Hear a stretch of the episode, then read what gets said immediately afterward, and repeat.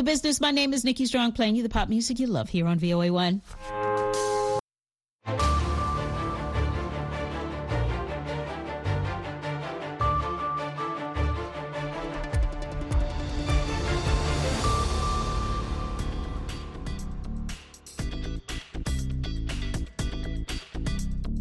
waa washington laanta afka soomaaliga idaacadda v o a oo aad ka dhagaysanaysaan mawjadaha gaaggaaban efemyada geeska afrika iyo caalamkao dhan oo aad nagala socotaan v o a somaly com.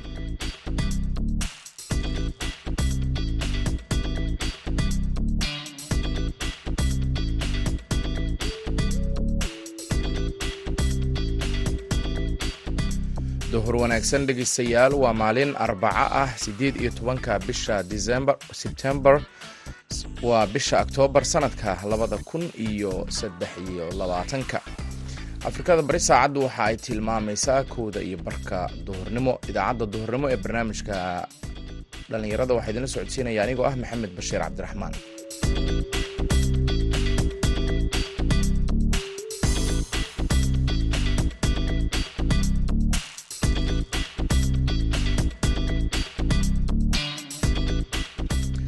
qodobada aad ku dhegaysan doontaan idaacaddeenana waxaa ka mid ah soomaalida maalgashanaysa guryaha magaalada nairobi oo ku sii fidaya xaafado hor leh dadkeennan soomaaliyeed runtii haddeertaan waxaa guryaha badanaa dhiso. Waa soomaaliya aan badannahay eriyooyinka aan dhisnana waa islii iyo parkland iyo hellingam iyo lavington. Waxaan dadkeenna u sheegaa ba dadkeennan ganacsiga ku jiro oo real ku jiro wax dhisaan oo anigaba aan ka mid ahay dadkeena inaan wax fiican u dhisno.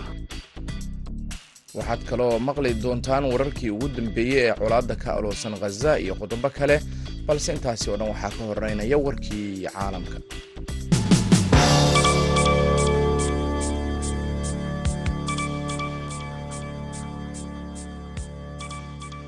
madaxweynaha maraykanka joe biden ayaa arbacada maanta ah gaaray israel xilli uu sii xoogeystay dagaalka socda kadib qarax weyn oo ka dhacay cisbitaal ku yaalla magaalada khaza oo sababay in dhinacba uu kan kale ku eedeeyo islamarkaasina ay gobolka ka bilowdaan banaanbaxyo waaweyn iyadoo biden lagu wado inuu la kulmo hogaamiyaasha israa'iil si uu ugu muujiyo taageerada uu u hayo dalkan muddada dheer maraykanka xulafada la ah. Haddana waxaa baaqday kulan urdun ku dhex mari lahaa isaga iyo hogaamiyaasha carabta kaasi oo la baajiyey kadib qaraxa cisbitaalka magaalada khaza xamaas ayaa ku eedeysay israa'iil inay qarxisay cisbitaalka ahli ee magaalada khaza waxayna ugu yeertay sida ay hadalka u dhigtay dembi xasuuq ah oo mar kale daaha ka qaaday. Wejiga foosha xun ee waxay ugu yeertay cadowga dembiilayaasha iyo dowladda faashistaha iyo argagixisada ah sida ay bayaankooda ku qoreen. Ciidamada difaaca israa'iil ayaa beeniyey inay ka dambeeyeen waxayna sheegeen in gantaal khalad ah oo ay riday kooxda islaamig jihaad ee falastiin uu ku dhacay cisbitaalka. Kooxda islaamig jihaad ayaa beenisay mas'uuliyadda weerarkaasi. Afhayeenka i d f reer admiral daniel hagari ayaa arbacada maanta ah u sheegay wariyaasha inaysan jirin wax burbur ah oo dhismaha soo gaaray iyo bohol sida dhismayaasha kale ee ay ciidamadoodu duqeeyaan waxaana uu sidoo kale ku eedeeyey xamaas inay ka badbadinayaan tirada dadka dhintay. Biden ayaa u sheegay ra'iisul wasaaraha israa'iil benyamin netanyahu inuu aada uga xun yahay kana caraysan yahay qaraxa ka dhacay cisbitaalka. Waxaana uu sheegay in iyadoo laga duulayo warbixinada uu helay ay kooxda kale samaysay sida uu hadalka u dhigay oo aysan israa'il ka dambeynin xamaas ayaa sheegtay in cisbitaalada ay ku dhinteen ilaa shan boqol oo qof wasiirka arrimaha dibadda ee ruushka sergey lafrof ayaa arbacada maanta ah gaaray kuuriyada waqooyi sida ay wariyeen wakaaladaha wararka ee ruushka iyadoo ay sii kordhayso walaaca reer galbeedka ee ku aadan kor u kaca xiriir militari oo u dhexeeya xulafadan taariikhiga ah. Booqashada wasiirka arrimaha dibadda ee ruushka oo qaadan doonta laba maalmood ayaa la filayaa in qayb ka mid ah diiradda ay saarto gogoldhigga safar uu mustaqbalka ku tegi doono dalkaasi madaxweyne valadimir putin. Sida uu mar sii horeysay wakaaladda wararka ee ruushka ee taas u sheegay afhayeen u hadlay kremlinka. Waxay ku soo beegantay maalin uun kadib markii moscow ay iska fogeysay eedeymo ka yimid maraykanka oo ah in kuuriyada waqooyi ay bilowday in ruushka ay siiso hubka dagaalka ee gacan ka geysanaya sii wadista dagaalka ukraine hogaamiyaha waqooyiga kuuriya kim jong un ayaa bishii hore waxa uu u safray ruushiya isagoo putinna ku casuumay inuu booqasho ku yimaado kuuriyada waqooyi. Warkii dunidana dhegeystayaal waa naga intaa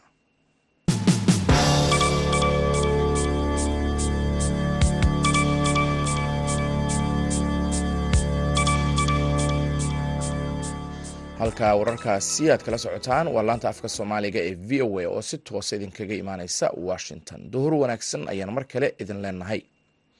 Duqeyn xalay ka dhacday cisbitaal ku yaalla khaza ayaa la sheegay in ay ku dhinteen boqolaal qof ayna ku dhaawacmeen tiro kale oo badan sida ay sheegtay wasaaradda caafimaadka ee magaalada khaza ee ay maamusho xamaas. Israa'iil ayaa diiday eedda ah in ay duqeynta ama in ay duqeysay cisbitaalka banaanbaxyo arrintan lagu cambaareynayo ayaa waxa ay ka dhaceen qeybo ka mida gobolka. Madaxweynaha maraykanka joe biden ayaa la filayaa inuu gobolka tago amaba tegey. Haddaba wararkii ugu dambeeyey iyo mustaqbalka gobolka ayuu jamaal axmed cismaan waxa uu ka wareysay maxamed biixi oo ah aqoonyahan muddo dheer carabaha ku noolaa kana faallooda arrimaha carabta. Jamaalo waxay sheegayaan inay halkaasi ka dhacday dhibaatadii ugu ballaadhnayd kadib markii ciidamada israa'iil ay halkaa dhakhtar weyn oo ku yaalla magaalada kasa la eegteen gantaal oo ay ku dhinteen dad tiro badan oo ilaa iyo iminka qiyaastoodu ay kor dhaaftay dhowr boqol. Inkastoo israa'iil dafirtay marka xaaladda guud ee gobolku waxay u sii jahaysanaysaa waxaad moodaa inay la mid tahay haadaan khatar ah oo mar kasta maxay toy laga laga hooban karo waxay ku sii socotaa xagga bini aadanimada marka la eego halis dhakhtarada la burburinayaa dawooyinka gabaabsiya cuntooyinka gabaabsiya dadka meel ay u baxaan la dagaaladu way socdaanoo maxay haytay duqeymaha. Xamaas lafteedu gantaalay ku ganaysaa dhinaca tel aviv laakiin kuwa wax weyn yeelaya imika maaha laakiin dhibaatada ugu badani waxa weeyaan tan ku dhacaysa dadka rayidka ah ee habeen iyo maalinba aqaladooda lagu duqeynayo dhibaatada labaadna waxa weeyaan dadkan oo garan la inay meel meel ay u baxaan iyo meel ay joogaan. Marka xaaladdu waa xaalad aada iyo aad iyo aad iyo aad u adag. Waa tahay. Dalal dhowr ah ayaa isha ku hayay waxaa halkaa ka dhacaya. Madaxweynaha maraykanka oo kale joe biden dhowr jeer ayuu arrintani ka hadlay. Haddana waxaa la rajeynayay in safar uu ku tago gobolka si arrimahani xiisadda uu u kala dhex galo. Bal wararkii ugu dambeeyey ee socdaalkiisa maxay soo kordhin karaysaa? Maxaase ku soo kordhay? Waa runta horta intaanu madaxweyne biden iman wuxuu soo diray. Khaarijiga laba jeer ayuu israa'iil ku noqday. Gobolkana uu soo maray. Iminka madaxweyneha biden imaatinkiisuna taa un bay daba socotaa. Waa uun taageero labaad oo israa'iil u muujinayo. Waxaa la hadal hayaa in uu iman doono marka ugu horeysa israa'iil wararkii u dambeeyey waxay sheegayaan cabaas inuu ka cudur daartay. Markii ay soo baxeen weeraradan dadka rayidka aada iyo aad u dhibaateeyey ee dhakhtarka dadka lagu laayay. Marka u malayn maayo run ahaantii in ay wax weyn ka tarayso sababtoo ah mar haddii aan israa'iil lagu lagu amraynin inay joojiso dagaalada mar haddaan israa'iil culays lagu saaraynin inay yarayso duqeymaha mar haddaan israa'iil lagu cadaadinin inay furto marinka bini aadanimada waxaa dhooban xuduudaha laga soo galo marinka rafax oo kale ee adihii gargaarku meelay mariyaan bay laayihiin wax. Marka u malayn maayo inay wax weyn soo kordhinayso laakiin markii horeba dadaaladu way iska socdeen marka uma malaynayo inay booqashadiisu wax weyn bedeli doonto baiden waa tahay dadka ku xaniban ghaza ee la yiri ka baxa xaaladooda waa sidee wallahi xaaladooda xaalad waxa weeyaan jahwareera waa xaalad adag oo bini aadanimada aad iyo aad iyo aad iyo aad meel ka dhac ku ah. Marka dadkaasi meel ay u baxaan iyo meel ay ka baxaan midnaba ma haystaan marka xaaladoodu waa xaalad aan soo marin taariikh falastiin intii ay dagaaladu dhacayeen. Marka xaalad adag unbaa lagu sifeyn karaa. Cid laakiin wax u qabanaysa iyo cid u gurmanaysa iyo cid ka dhiidhiyeysa oo ilaa iyo hadda arrimahaas xagga bini aadanimada ama sharciga dawliga inkastoo hay'adaha xuquuqa insaanku u doodaa ay in badan ka digeen arrimahaas. Oy xataa ku tilmaameen in dadka laga xidho sahayda inay tahay dembiye dagaal. Haddana israa'iil ilaa iyo iminka dheg jalo qumaanaysiinin ugu dambeyn xaaladda gobolka sidee bay kula muuqataa marka laga duulayo xiisadahan soo cusboonaaday oo dabcan aysan ahayn markii ugu horreysay laakiin khilaafadyo hore iska jiray?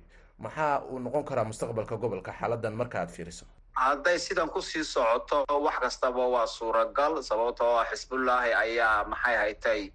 Dhinaca kale jabhad kale ka furay. Xisbullaahi ayaa gantaala ganaya. Israa'iilna way u jawaabaysaa marka waxaad moodaa hadday malaha arrimuhu sidan ku sii socdaan oo aan waxba laga bedelin oon israa'iil la xakamaynin waxaa suuragala inuu dagaalku ballaadho. Hadduu xisbullaahi soo galadha xisbullaahi waa jabhad. Iiraan dabada ay ka wado marka waxaa dhici karta inay maxay tahay meeshu isla sii holoocdo in ay hadhow toola faraha ka baxdo. Marka walwalka ugu badan iminka maraykanka iyo baiden qabaana iminka ay ku baraarugeen arrimahaasa ka mid ah. Kaasina waxa uu ahaa maxamed biixi oo ka faallooda arrimaha carabta wuxuuna u waramayey jamaal axmed cismaan. Markana dhegeystayaal waxaan ku nasanaynaa heestan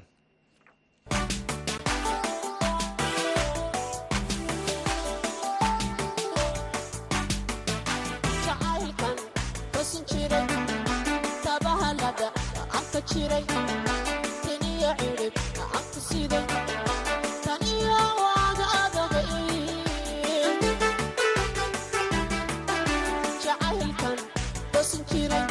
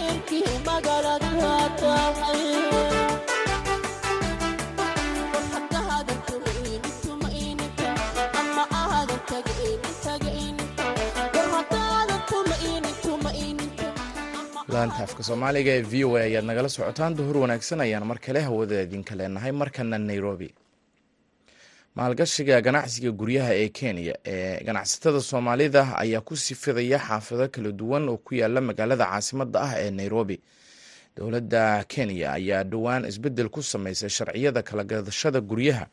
Ganacsatada ayaa marka ay guryaha dhisanayaan waxa ay ka sii iibiyaa dad u badan soomaali isugu jira kuwo qurbaha ka yimid iyo sidoo kale kuwo geeska afrika ku nool haddaba sidee ayuu qofku marka uu guriga iibsado uu ku helaa aqoonsiga sharciga ee ay lahaanshaha guriga? Waana tan warbixin arrintan ku saabsan.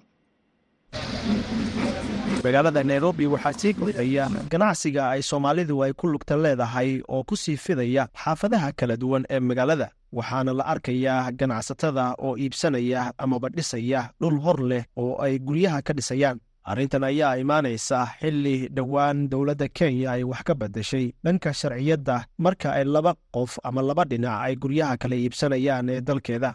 Cabdiqaadir muudey oo ah madaxa shirkadda guryaha dhista ee selbush ee magaalada nairobi ayaa sharaxaya sharciyadda loo maro marka ay ganacsatadu ay guryaha ka iibinayaan dadka doonaya inay guryaha iibsadaan. Qofka markuu guriga naga iibsado sharciga looga baahan yahay waxaa waaye inuu qofka gurigiisa la wareego.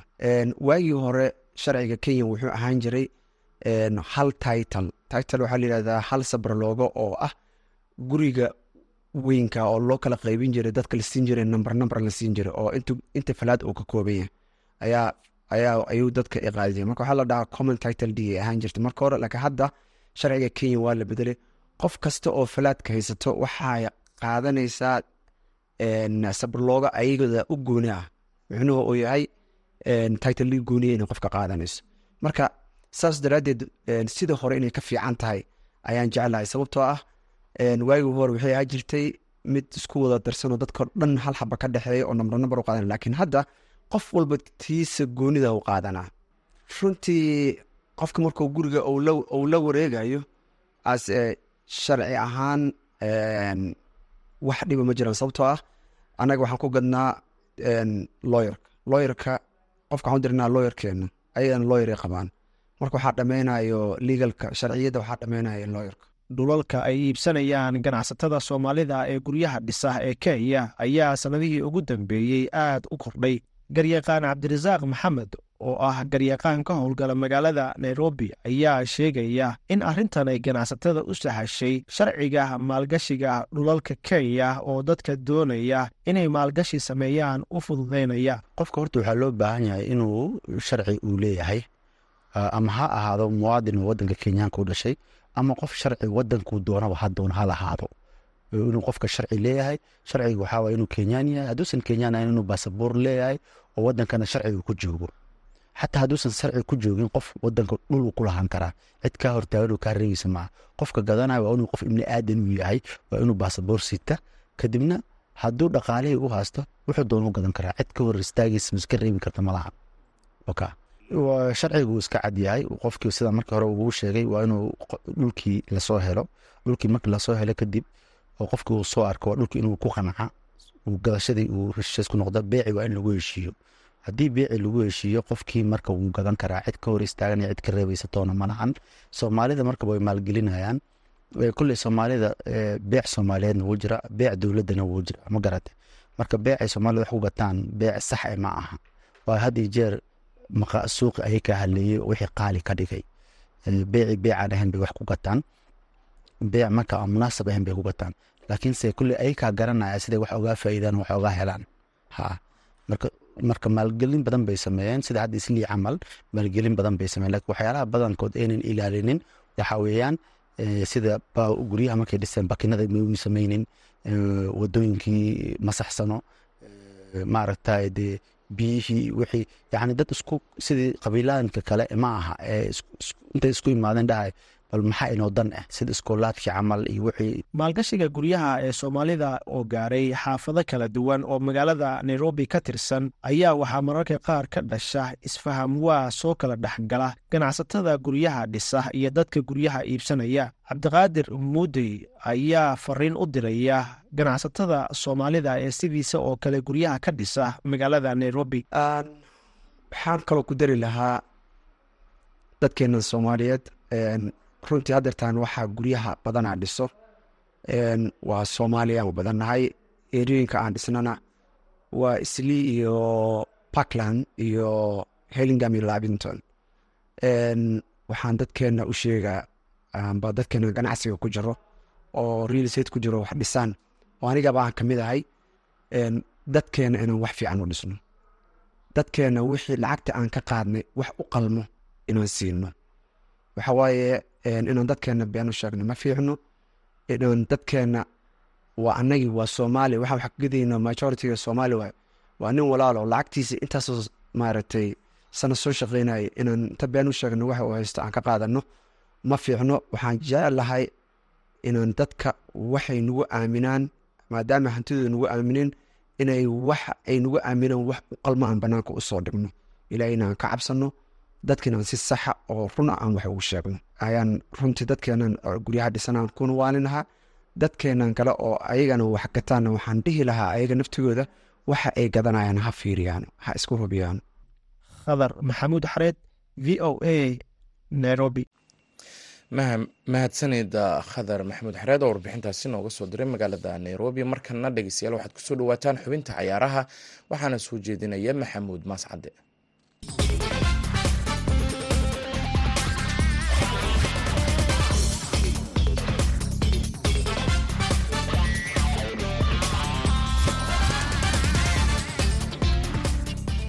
dad mahadsan tahay xulka qaranka ee soomaaliya waxa uu lahaa kulamo saaxiibtinimo ee toddobaadyadii la soo dhaafay oo habeenkii xalay ahaa kulankii ugu dambeeyey uu la ciyaaray xulka qaranka ee siralion soomaaliya dabcan kii kan ka horreeyey niger ayay la ciyaartay oo waa laga soo badiyey kulankii xalay dad badan waxa ay filayeen in ay soomaaliya guulaysan kartay maadaama ay guri ahaan waddanka morocco uga ciyaaraysay. Xulka qaranka ee soomaaliyana uu haatan layliyo macallin u dhashay waddanka morocco laakiin arrimahaasi oo dhan waxba uma tarin soomaaliya oo waxaa ku dhacday guuldarro xanuun badan laba gool iyo waxba ayaana xalay lagaga adkaaday kulankii ay la ciyaareen xulka qaranka ee siralion ee saaxiibtinimada ahaa. Marka kulankii kaa ka horreeyana waxa waa isna kulan saaxiibtinimo oo niger la ciyaareen isagana saddex iyo eber ayaa laga soo badiyay. Marka isu geyn laba kulan xulka qaranka ee soomaaliya shan gool iyo waxba ayaa looga adkaaday marna uma suuroobin xulka qaranka soomaaliya in ay hal gool xitaa ay taabsiiyaan. Shabaqa kooxihii ay la cayaareen. Aad iyo aad midna uma suuro gelin shan gool iyo waxba ayay noqonaysaa isugeen marka la eego kulamadii ay soo ciyaareen waayahay maxamed waxaad ka warantaa maxaa inta badan ugu wacan in cayaaraha ay ka qayb galaan xulka qaranka soomaaliya? In inta badan aanay guulo ka keenin maxaa ugu wacan casho runtii waa su'aal aada u adag in jawaab rasmi ah loo helo laakiin marka aad eegto soomaaliya soddonkii sano ee la soo dhaafay marxaladihii ay ku jirtay colaadihii faraha badnaa ee dhacay ilaa iyo hadda waddanku sida uu yahay heerka kubadda cagta soomaalida oo marka lababa dhigay waddamada kale aan aada u wanaagsanayn. Waxyaabahaas oon marka laisu geeyo waxay qeyb ka yihiin waxyaabaha guuldarooyinka keenaya. Dhinaca kale qaabka ciyaartoyda lagu soo xulo waktiga la siiyo muddada ay isla tababaranayaan iyada lafteeda waxyaabaha loo aaneyn karo ayay ka mid tahay. Masalan waxaa dhacaysa in ciyaartooy soomaali ah adduunka oo dhan laga kala keeno midba waddan laga keeno wakti kooban laysu keeno iyagoon kubad ahaan isfahamin ciyaartooy ahaan aan muddo badan isla tababaranin in haddana waddan kale laga horgeeyo durba. Marka taas lafteeda waxa ay qeyb ka tahay bay leeyihiin dadka khubarada ciyaaraha soomaaliya aadka uga warhaya waxyaabaha guuldarooyinka keena. Laakiin haddii ciyaartooy la isku hayo muddo wakti badan la siiyo waxaa dhici kari lahayd bay leeyihiin in la badin karo. Tusaalehaan waxaa loo soo qaataa xulka qaranka ee da-yarta toddobiyo toban jirada oo aada u muuqday kuwa muddo isla ciyaarayay isku meel inta badan ahaa ciyaartooy laga soo xulay isu banooni isbanooni yaqaanay. Marka haddii la helo ciyaartooy muddo isla tababarata iyo macalin muddo kooxdaasi isagu isku haya ee siduu wax u rabo wax u soo xula in ay noqon karto in qaabka hadda qaranku yahay wax iska bedeli karaan. Waayahay waan ka gudbaynaa bal waxaad ka warantaa dhinaca ciyaartii talyaaniga? Talyaaniga ingiriiska xalay kulan adag baa dhex maray oo waxa uu ahaa kulan ingiriisku haddii uu badiyo uu u soo gudbayay ciyaaraha qaramada yurub ee jarmalka lagu qabanayo sanadka soo socda. Run ahaantiina talyaaniga ayaa gool la hormaray qaybtii hore ciyaarta laakiin saddex gool ayaa lagu bedelay. Sidaasi xulka qaranka ee ingiriisku waxa ugu soo baxay ama waxau noqday gruubkiisa wadankii ugu horreeyay u soo baxay koobka qaramada yurub ee jarmalka lagu qaban doono sanadka. Soo aadan talyaaniga guuldaradan soo gaartay waxaa la isweydiinayaa talow koobka ma kaga harayaa oo ma noqonaysaa in koobka ka maqnaado. Laba tartanoo waaweyn oo caalami ah uu laba sano laba door oo xiriir uu ka maqnaado. Marka weli talyaaniga fursad ayuu haystaa uu ku soo bixi karo laba kulan baa u dhiman groupka haddii labada kulan uu badiyo waa uu soo baxaya laakiin waxay ku xirnaan doontaa ukraine kulanka uu la ciyaarayo talyaanigu waayo hadda markaad eegto dhibcahooda aad bay iskugu dhow yihiin iyaga iyo ukraine. Ukraine baa saddex dhibcood ee sarreysa marka haddii talyaanigu uu ukraine ka badiyo kulan kalena uu badiyo fursad waxuu heli karaa in uu soo baxo groupka maadaama groupkiiba laba dal ay ka soo baxay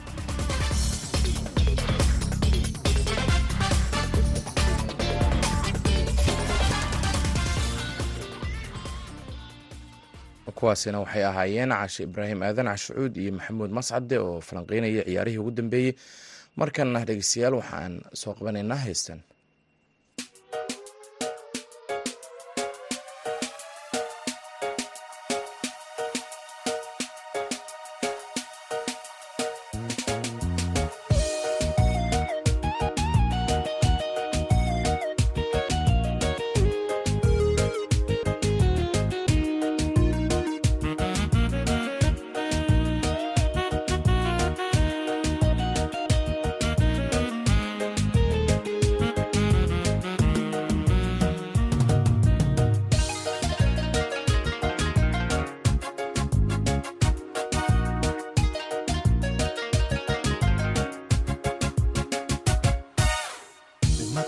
qalantid qalbigaaga jabay uma qalantid uma qalantid niyadaada qasan uma qalantid uma qalantid qisaadan iyo xada uma qalantid uma qalantid qalbigaaga jabay uma qalantid uma qalantid niyadaada qasan uma qalantid uma qalantid qisaadan iyo xada uma qalantid